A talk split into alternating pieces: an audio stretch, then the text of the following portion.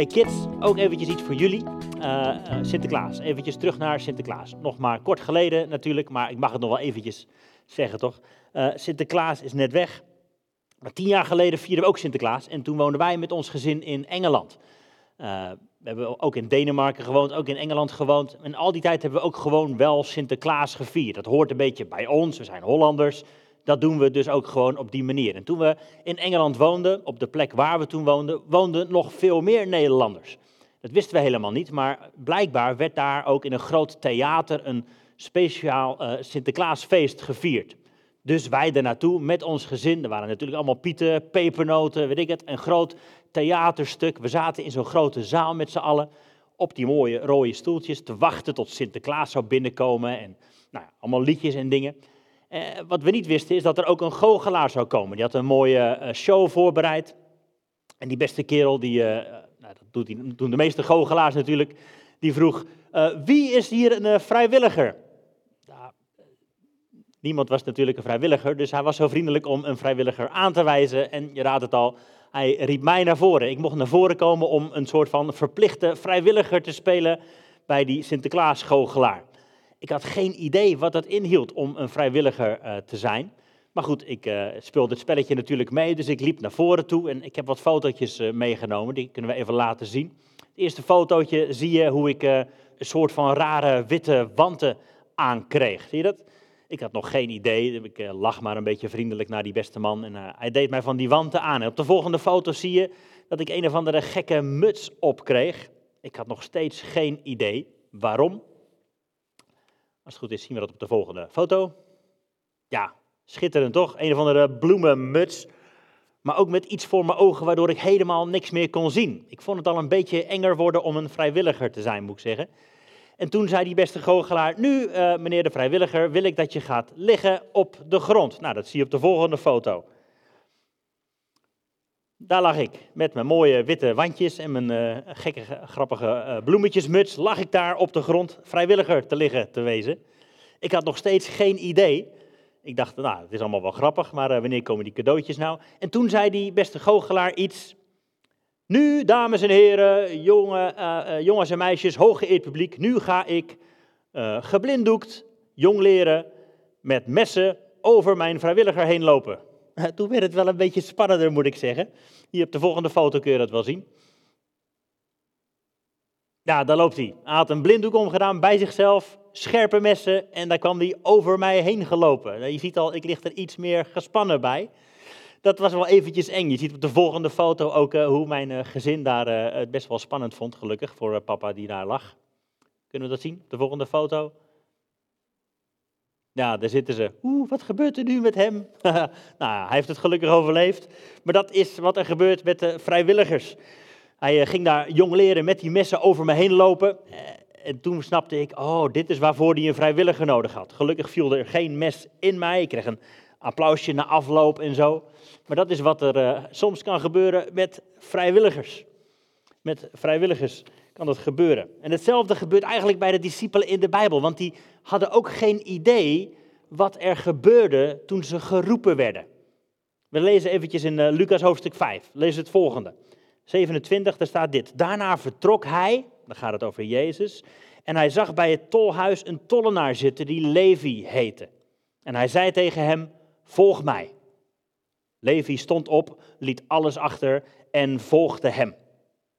Levi had nog geen idee wat hij zou gaan doen. Maar Jezus zei, volg mij. Levi liet alles achter en hij ging achter hem aan. Als een soort van vrijwilliger. Hij was uitgekozen en had nog geen idee wat voor avontuur hem te wachten zou staan. Dat had ik ook een beetje toen ik vrijwilliger was. Ik wist niet waar ik ja tegen zei. Ik ging naar voren en ik deed mee. En dan gebeurden er een heleboel bijzondere dingen. Maar eventjes terug naar Levi. We gaan een paar duizend jaar terug in de tijd, hè, 2000 jaar geleden, toen Jezus op aarde liep. En dan zit je daar als tollenaar te zijn. Geld te vragen aan mensen. Nou, ik weet niet wat jij vroeger wilde worden toen jij klein was. Uh, misschien ben je nog wel klein en, en verwacht je, oeh, later wil ik een politieagent worden of, of brandweerman of misschien wel, weet ik veel, uh, piloot. Nou, toen ik een kleine jongen was, wilde ik natuurlijk profvoetballer worden. Net niet gelukt, helaas. Ehm, dat wilden de meeste jongetjes waar ik mee omging, die wilden natuurlijk voetballer worden later, want dat was het leukste wat er is en dat is het eigenlijk nog steeds. Maar in de tijd van Levi, in de tijd van Jezus, wilden eigenlijk alle kleine jongetjes rabbi worden. Rabbi, dat was het beste wat je kon worden. Dat was een belangrijk beroep. Je stond in aanzien, mensen vonden je bijzonder. Als jij de Bijbel kon uitleggen, als jij namens God kon spreken voor ze. Dat is wat de meeste jongetjes wilden worden, een rabbi. En dan stel je je even voor. Dat is niet makkelijk om een rabbi te worden namelijk. Want alleen de, de meest slimme jongetjes van de klas, die mochten door naar de volgende fase. Er waren een heleboel verschillende fasen om rabbi te kunnen worden. Je begon als jongetje dat je heel veel bijbelboeken, bijbelteksten uit je hoofd moest kennen. En alleen de beste van de beste van de klas mochten dan door naar de volgende fase, waar ze weer een heleboel moeilijke opdrachten moesten kunnen en kennen. En alleen de beste van de beste van dat groepje mochten weer door naar de volgende fase, enzovoort, enzovoort. Vier of vijf verschillende fasen. En dan, als dat unieke groepje dan over was gebleven, een klein groepje jongens die echt slim waren, die echt bijzonder waren, die echt geroepen en gekozen waren, ja, dan was het wachten op een rabbi. Die dan binnen zou komen en die zou zoeken naar iemand die niet alleen maar slim was, niet alleen maar knap was, maar waarvan de rabbi zou denken, hmm, hij kan net zo als ik worden. Hij kan net zo als ik worden. En als die rabbi dan zo iemand had gevonden, dan zei hij twee woorden. Volg mij. Volg mij. En dat is wat we hier zien gebeuren, ook bij Levi. Levi was waarschijnlijk niet het knapste jongetje van de klas, was helemaal niet door de selectieprocedure heen gekomen en hij moest overschakelen naar, nou, voor zijn gevoel misschien een tweede rangs beroep. Hij was niet goed genoeg om rabbi te worden. Hij zou nooit die woorden meer horen, volg mij. Hij moest tollenaar worden, hij heeft een ander beroep gekozen. En dat zien we ook gebeuren bij Petrus en, en Andreas en Jacobus en Johannes en al die andere discipelen. Die waren maar vissers geworden, want ze waren niet goed genoeg om rabbi te worden. Maar toch komt Jezus langs, hij kijkt ze aan en hij ziet in ze, deze gasten kunnen net zoals ik worden. En daarom ga ik ze roepen, volg mij. Volg mij, zegt Jezus. En hij neemt ze mee op avontuur. Hij neemt ze mee op avontuur. Ik, moest, ik heb pas nog wat stukjes gezien van The Hobbit. Misschien ken het wel, die drie films. I'm going on an adventure, roept Bilbo Baggins. Nou, dat is misschien ook wat hier gebeurt. Dat Levi of, of Simon of Andreas of Jacobus of Johannes denken, wauw, ik mag mee op dit avontuur. Nog geen idee wat er gaat gebeuren. Waarschijnlijk gaat er niemand met messen over ze heen lopen, zoals dat bij mij gebeurde. Maar ze wisten, er gaat een avontuur komen. Ik ga mee. Ik heb wel ja gezegd, tegen de persoon, maar ik weet nog niet wat het allemaal inhoudt voor mijn leven. En dat gingen ze ontdekken. Dat geldt ook voor jou en mij. Jezus komt ook vandaag langs en zegt: Volg mij. Volg mij. Niet alleen maar geloof in mij met je hoofd, maar als het ware loop in mijn voetsporen. Kom en doe net zoals ik. Leer van mij. Trek met mij op. Kies voor mij. En die twee, die twee woorden, volg mij, ik hoop dat het je leven ook revolutionair zal veranderen als je daar gehoor aan geeft. Volg Jezus, net zoals de discipelen zeggen, waar moeten we anders naartoe? U hebt woorden van eeuwig leven. Jezus volgen betekent kiezen voor het leven van liefde, blijdschap, vrede, goedheid, trouw, zelfbeheersing. Al die goede dingen. Dat is het goede leven met Jezus. En in die voetsporen mogen wij ook wandelen. En dat willen we deze maand doen door het hele boek van Lucas door te lezen. Vorige week is Marcel begonnen met de serie Jezus in actie. Jezus in actie. We lezen het hele boek Lucas. En hij keek vorige week met name naar Lucas 4. Weet je nog, toen Jezus werd verzocht in de woestijn. Een ontmoeting met de duivel die hem probeerde te verzoeken, te verleiden om te kiezen tegen God voor de duivel. Jezus trapte daar niet in, maar lezen we later, hij werd wel door de geest de woestijn ingeleid, daar werd hij verleid, maar hij kwam in de kracht van de Heilige Geest de woestijn weer uit. Hij kwam in de kracht van de geest de woestijn uit. En daarom kies ik ook vandaag als titel van mijn preek: This is a revolution, baby. This is a revolution. Jezus deed iets revolutionairs toen hij in de kracht van de Heilige Geest zijn bediening begon, zijn werk begon.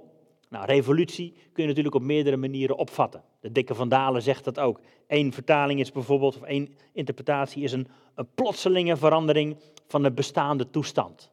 Een plotselinge verandering. Waar Jezus komt, blijft niks gelijk. Hij zet een verandering in gang. Een andere optie is, ook weer volgens de dikke vandalen, een gewelddadige ommekeer. En dat woord kun je ook horen in een revolutie, zo wordt het ook vaak gebruikt. Dat er geweld bij komt kijken.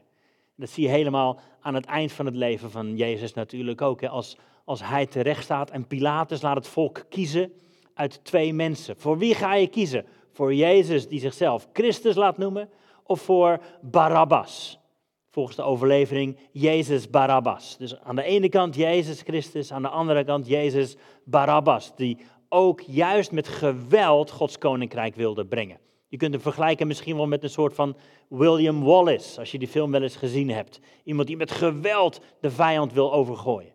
Of Jezus die zegt, ik geef mijn leven uit liefde voor mijn vijanden. Dat is de revolutie die wij kiezen. De, de, revolutie die Jezus kiest. De revolutie van liefde, van je leven neerleggen voor, uh, voor houden van je vijanden. Kiezen voor het kruis. Dat is de weg die ook wij willen leren wandelen. We willen gaan in de, zoals dat heet, in de voetsporen van onze rabbi. In het stof van onze rabbi willen we lopen. We willen achter hem aangaan. Ik heb nog wat een rekensommetje gemaakt. Ook de discipelen werden geroepen door hem. En ze liepen met hem, staat ongeveer drie jaar. Nou, drie jaar van 24 uur per dag, dat is ongeveer 26.000 uur. Trokken ze met hem op. Als je dat zou omrekenen naar één uur per week naar de kerk, dan ben je de komende 500 jaar zoet met Jezus volgen, één uurtje in de week. Zo werkt het natuurlijk niet. We worden geroepen om elke dag met hem op te trekken, naar hem te kijken. Hoe reageert hij op mensen? Hoe gaat hij met de zwakken om? Hoe gaat hij met de mensen die buiten staan om? Hoe gaat hij met zichzelf en zijn relatie met God om? Dat is het stof van de rabbi waar we in willen lopen. Hij is onze meester, hij is onze Heer. En we willen net zo hem worden, want dat, dat zegt hij ook tegen ons. Met die twee woorden, volg mij, zegt hij eigenlijk, jij kunt net zoals ik worden. Ik zie het in je zitten. Waar mensen je hebben afgekeurd, waar je in ogen van andere mensen niet goed genoeg leek te zijn, ik zie het in je zitten. Volg mij, doe net zoals mij, word net zoals mij. Dat is wat we willen gaan doen. En deze week lopen we door de hoofdstukken 7 tot 12. Volgende week gaan we weer verder, Lucas door. Nu dus hoofdstukken 7 tot 12. Dat begint met, ik heb het hierboven staan, de hoofdman in Capernaum. Jezus die de slaaf van een Romeinse soldaat geneest. Bizar. Dat zou je eigenlijk niet verwachten. Hij geneest iemand waarvan je zou kunnen zeggen, dat is je vijand. Maar Jezus, zijn hart gaat uit naar deze kerel en hij geneest hem.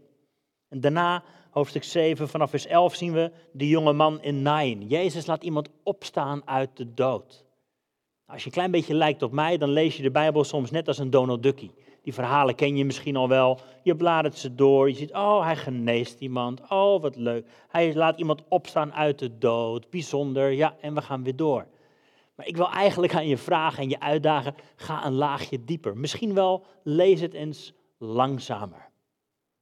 Lees het eens langzamer. Stel je voor, en dat is iets wat ik aan het leren ben, wat ik ook jou wil aanmoedigen om te leren, om, om, het, om jezelf te verplaatsen echt in het Bijbelverhaal. En als het ware te, te voelen, te proeven, te ruiken. Wat gebeurt hier nou eigenlijk? Stel je voor dat je, ik zei dat net, die jonge man uit Nain wordt eh, opgewekt uit de dood. Stel je voor dat je loopt in die straten. Je hebt het stof aan je voeten. Het is hartstikke warm, je zweet, je ruikt mensen, je ruikt verse kruiden op de markt. Het is hartstikke druk. En je loopt daar en je ziet een rouwstoet voorbij komen. Mensen die verdrietig zijn, die huilen, die daar hartverscheurend klagen, jammeren. En dan zie je daar Jezus aankomen lopen met zijn discipelen. Jezus die onderweg is, die altijd van de ene plek naar de andere plek is. En Jezus die stilstaat bij die rouwstoet. En hier in de Bijbel staat, hij was met innerlijke ontferming bewogen. Je ziet tranen in zijn ogen als hij dit tafereel ziet. De enige zoon van een weduwe is gestorven. Wat moet ze nu met haar leven? Ze kan niks meer. Ze is radeloos. En dat Jezus stopt met innerlijke ontferming bewogen is. En dat hij tegen die jonge man zegt, sta op. En hij leeft weer. Stel je voor, wat, wat, wat zou dat losmaken in je? Wat is dit voor man? Wat is dit voor revolutie? Wat gebeurt hier allemaal? Laten we de Bijbel op deze manier leren lezen. Jezus zegt het koninkrijk van God is gekomen en zo ziet het eruit. Die ziek is, wordt genezen, die doden staan weer op, lammen kunnen weer springen, stommen kunnen weer spreken. Liefde is sterker dan haat. Liefde die vijanden omarmt en geneest. En die voetstappen mogen jij en ik ook lopen. We mogen zijn discipelen worden en op die manier ook met innerlijke ontferming bewogen worden over de mensen. Bidden voor de zieken, handen opleggen, mensen zien genezen worden. Zie je het voor je, letterlijk? Zie je dat voor je ook gebeuren in jouw leven? Dat is de uitnodiging die we hebben aanvaard toen Jezus tegen jou en mij zei: Volg mij. Volg mij. Dan is dit het leven wat we willen leiden met Hem. Als we dan een klein beetje verder lezen, dan zien we ook iets over Johannes de Doper staan. We kunnen het even kort lezen. Toen de mannen bij hem gekomen waren, zeiden zij: Johannes de Doper heeft ons naar u toe gezonden, naar Jezus toe gezonden. Met de vraag: Bent u degene die komen zou, of verwachten we een ander? Johannes de Doper had natuurlijk Jezus gedoopt, wist wie hij was. Maar nu zit Johannes gevangen. En hij heeft vragen, hij heeft twijfels en hij stuurt deze mensen naar Jezus toe. Bent u die komen zou of verwachten we iemand anders? Op dat moment genas Jezus vele van ziekte en aandoeningen en boze geesten. En aan veel blinden schonk hij het gezichtsvermogen. Jezus deed dus bijzondere wonderen. En Jezus zei dan ook tegen deze mensen: Ga naar Johannes en zeg wat je gezien en gehoord hebt. Namelijk dat blinden weer zien dat kreupelen lopen, dat melaatsen gereinigd worden, dat doven kunnen horen, dat doden worden opgewekt en aan armen het goede nieuws wordt verkondigd. En zalig is hij die aan mij geen aanstoot neemt. Jezus die gebruikt hier eigenlijk de woorden van Jesaja 61, die we ook tegenkwamen in Lucas hoofdstuk 4. De geest van de Heer is op mij omdat hij mij gezalfd heeft om, puntje, puntje, puntje. Dan lezen we dit aan armen het goede nieuws te verkondigen. Eh, zieken worden weer genezen, blinden zullen weer kunnen zien. En aan het eind van het stukje staat er, en er is vrijlating voor hen die gevangen zijn. en dat wilde Johannes misschien eigenlijk wel horen, want hij zat gevangen. Maar dat stukje laat Jezus hier weg. Zalig is hij die aan mij geen aanstoot neemt. En dat is ook wat erbij hoort als we discipelen van Jezus worden. Dat niet altijd onze wil geschieden. Dat het niet altijd is dat wat wij denken nu nodig te hebben, dat dat is wat hij ons geeft. Want Johannes bleef uiteindelijk gewoon gevangen zitten. Dat is ook wat erbij hoort als we discipelen van Jezus worden. Niet onze wil gebeurt, zijn wil gebeurt. Vertrouwen we hem genoeg om hem ook dan te blijven volgen. Dat geldt ook voor jou en mij. Soms gebeuren er dingen waarvan jij het niet had gehoopt of verwacht. Soms kan God aan je vragen: hey, ik wil dat je je laatste spaargeld geeft aan dit project. Ja, maar Heer, help, hoe moet dat dan? Vertrouwen we Hem. Ik wil dat je deze persoon vergeeft die jou echt pijn heeft gedaan. Ja, maar Heer, hoe moet dat dan en waarom dan? Dat hoort erbij als je een discipel van Jezus bent. We wandelen in zijn weg. Ik wil dat je je baan opzegt en verhuist bijvoorbeeld. Dat is wat Jezus ooit tegen ons zei. Hartstikke eng. Hoe moet dat dan? We zijn toen naar het buitenland gegaan. En, daarna, ik wil dat je in de kerk gaat beginnen. Help, hoe werkt dat dan, Heer? Vul je eigen verhaal maar in. Soms kunnen de dingen gevraagd worden aan je als discipel van Jezus, waarvan je denkt, hoe werkt dit?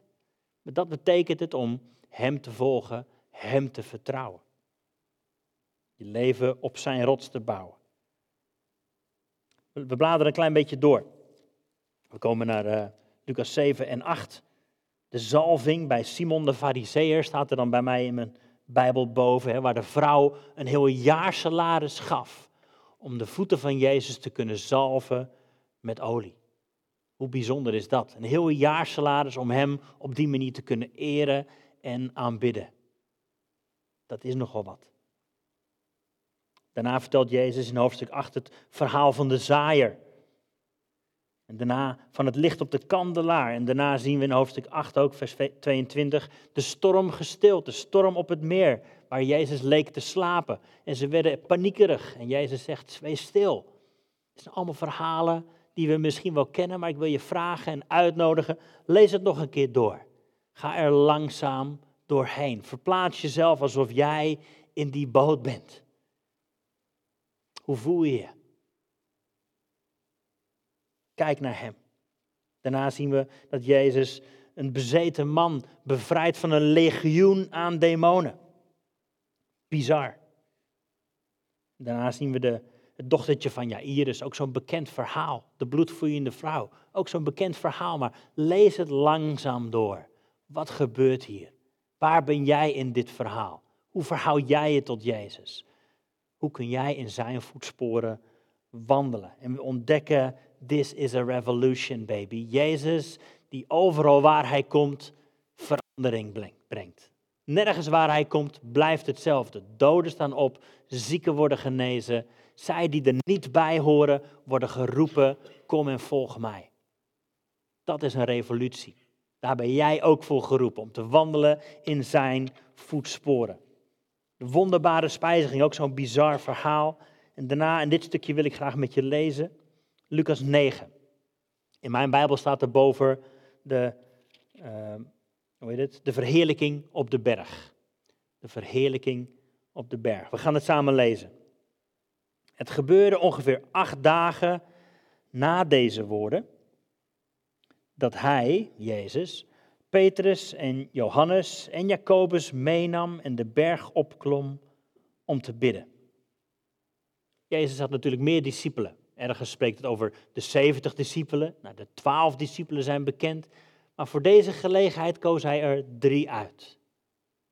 Drie discipelen die hij meenam om op de berg te gaan bidden.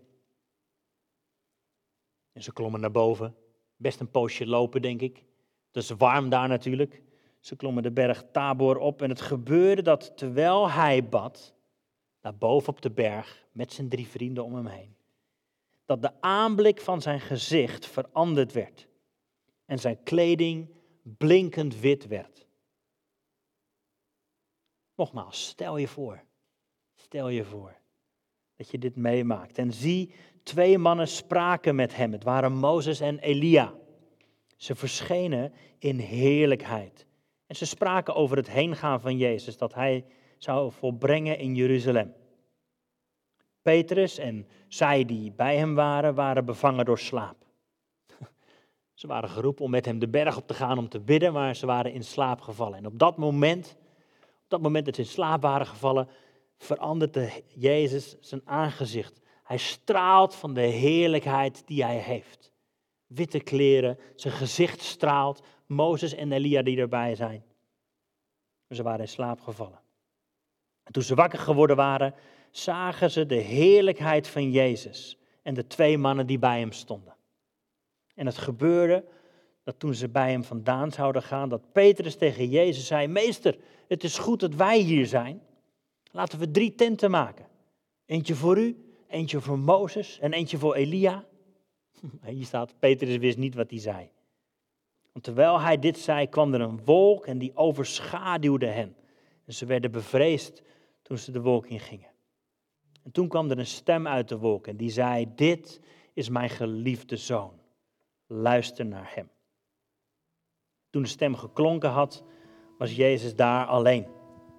En ze zwegen en ze vertelden in die dagen niemand iets van wat ze hadden gezien. Een ontmoeting met de verheerlijkte Jezus. Ze kenden Jezus als een bijzondere man, als een wijze rabbi, als iemand die wonderen deed. Maar zo hadden ze hem nog niet ontmoet.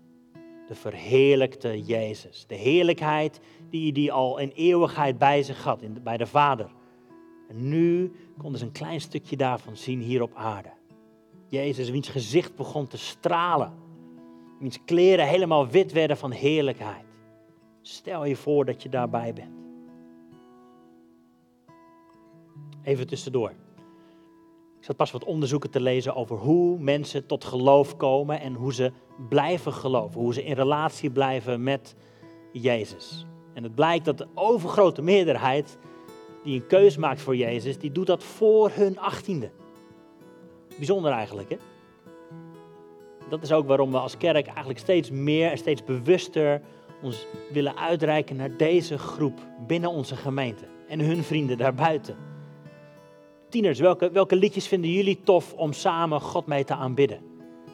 Hoe kunnen we beter met jullie optrekken in het leven samen met Jezus? Hoe kunnen we jullie helpen om Hem te ontmoeten? Laat het ons weten. We willen van jullie leren. We willen jullie helpen en we willen dat jullie ons helpen. Hetzelfde geldt voor kids. Hoe kunnen we jullie helpen om bij Jezus te komen? Hoe kunnen we in jullie Jezus ontdekken? Zei net, ik noemde iets over liedjes, maar dat is waarom we ook bijvoorbeeld als worshipteam daar bewust mee bezig willen zijn. Hoe kunnen we samen met tieners, niet alleen op vrijdagavond, maar ook op zondag, ook door de week, Jezus aanbidden? Hoe kunnen we de generaties verbinden om samen Jezus te volgen? Hoe kunnen we de next generation helpen om een ontmoeting met Jezus te hebben? Want dat is ook belangrijk. Dat zien we in alle onderzoeken. Mensen maken niet alleen een keus met hun hoofd voor Jezus. Als je een ontmoeting met Jezus hebt gehad, ben je nooit meer hetzelfde. En kun je ook door de moeilijke tijden heen komen. Kun je ook in de moeilijke tijden in relatie met Hem blijven. Dat is wat we nodig hebben. Een ontmoeting met Jezus. Een ontmoeting met Hem.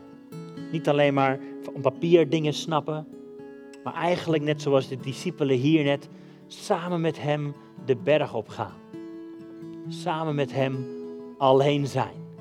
En de verheerlijkte Jezus ontmoeten.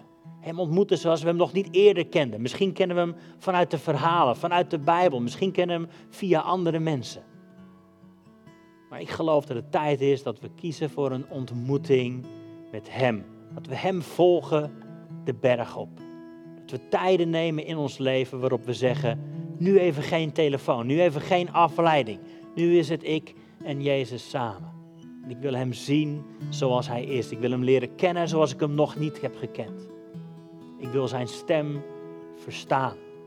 Ik wil Hem beter leren kennen. Ik wil afronden met een paar laatste vragen. Wanneer heb jij een ontmoeting met Jezus gehad? Misschien nog helemaal niet. Misschien nog heel recent. Weet dan dat Jezus ook tegen jou zegt: Kom, volg mij. En net zoals Jezus tijden inplande van alleen zijn met zijn vader, zegt hij dat ook tegen jou. Kom, volg mij. Even naar een stille plek. Om elkaar te ontmoeten. Wanneer heb jij voor het laatst zo'n ontmoeting met Jezus gehad? Zou je dat willen? Volgende vraag. Zou je dat graag willen? En misschien heb je daar wel ervaring mee. Hoe ging dat dan?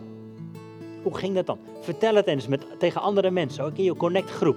Deel zulke verhalen met elkaar. Deel zulke verhalen. Dat is juist waar die groepen zo belangrijk voor zijn. Is om dat gedeelte van het leven met elkaar te delen. Elkaar in te inspireren en uit te nodigen. Misschien een beetje een cheeky vraag, maar wanneer heb je je volgende ontmoeting met Hem? wanneer heb je je volgende ontmoeting met Hem?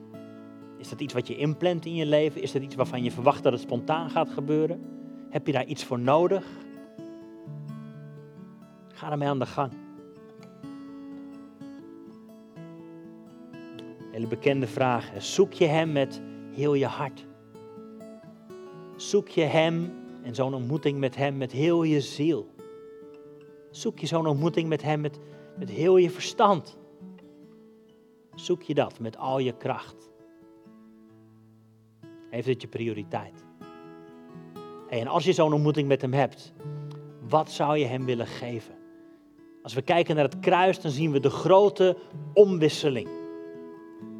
In die ontmoeting met Hem. Wat zou je Hem willen geven? Zou je Hem je pijn willen geven?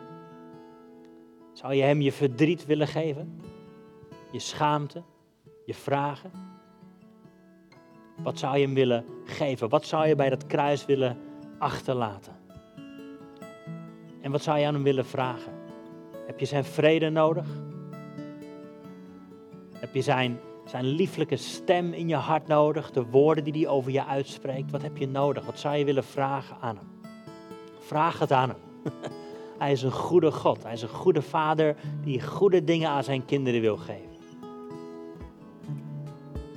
Vraag het hem. De Bijbel zegt dat Als we Hem zoeken, dan laat Hij zich vinden.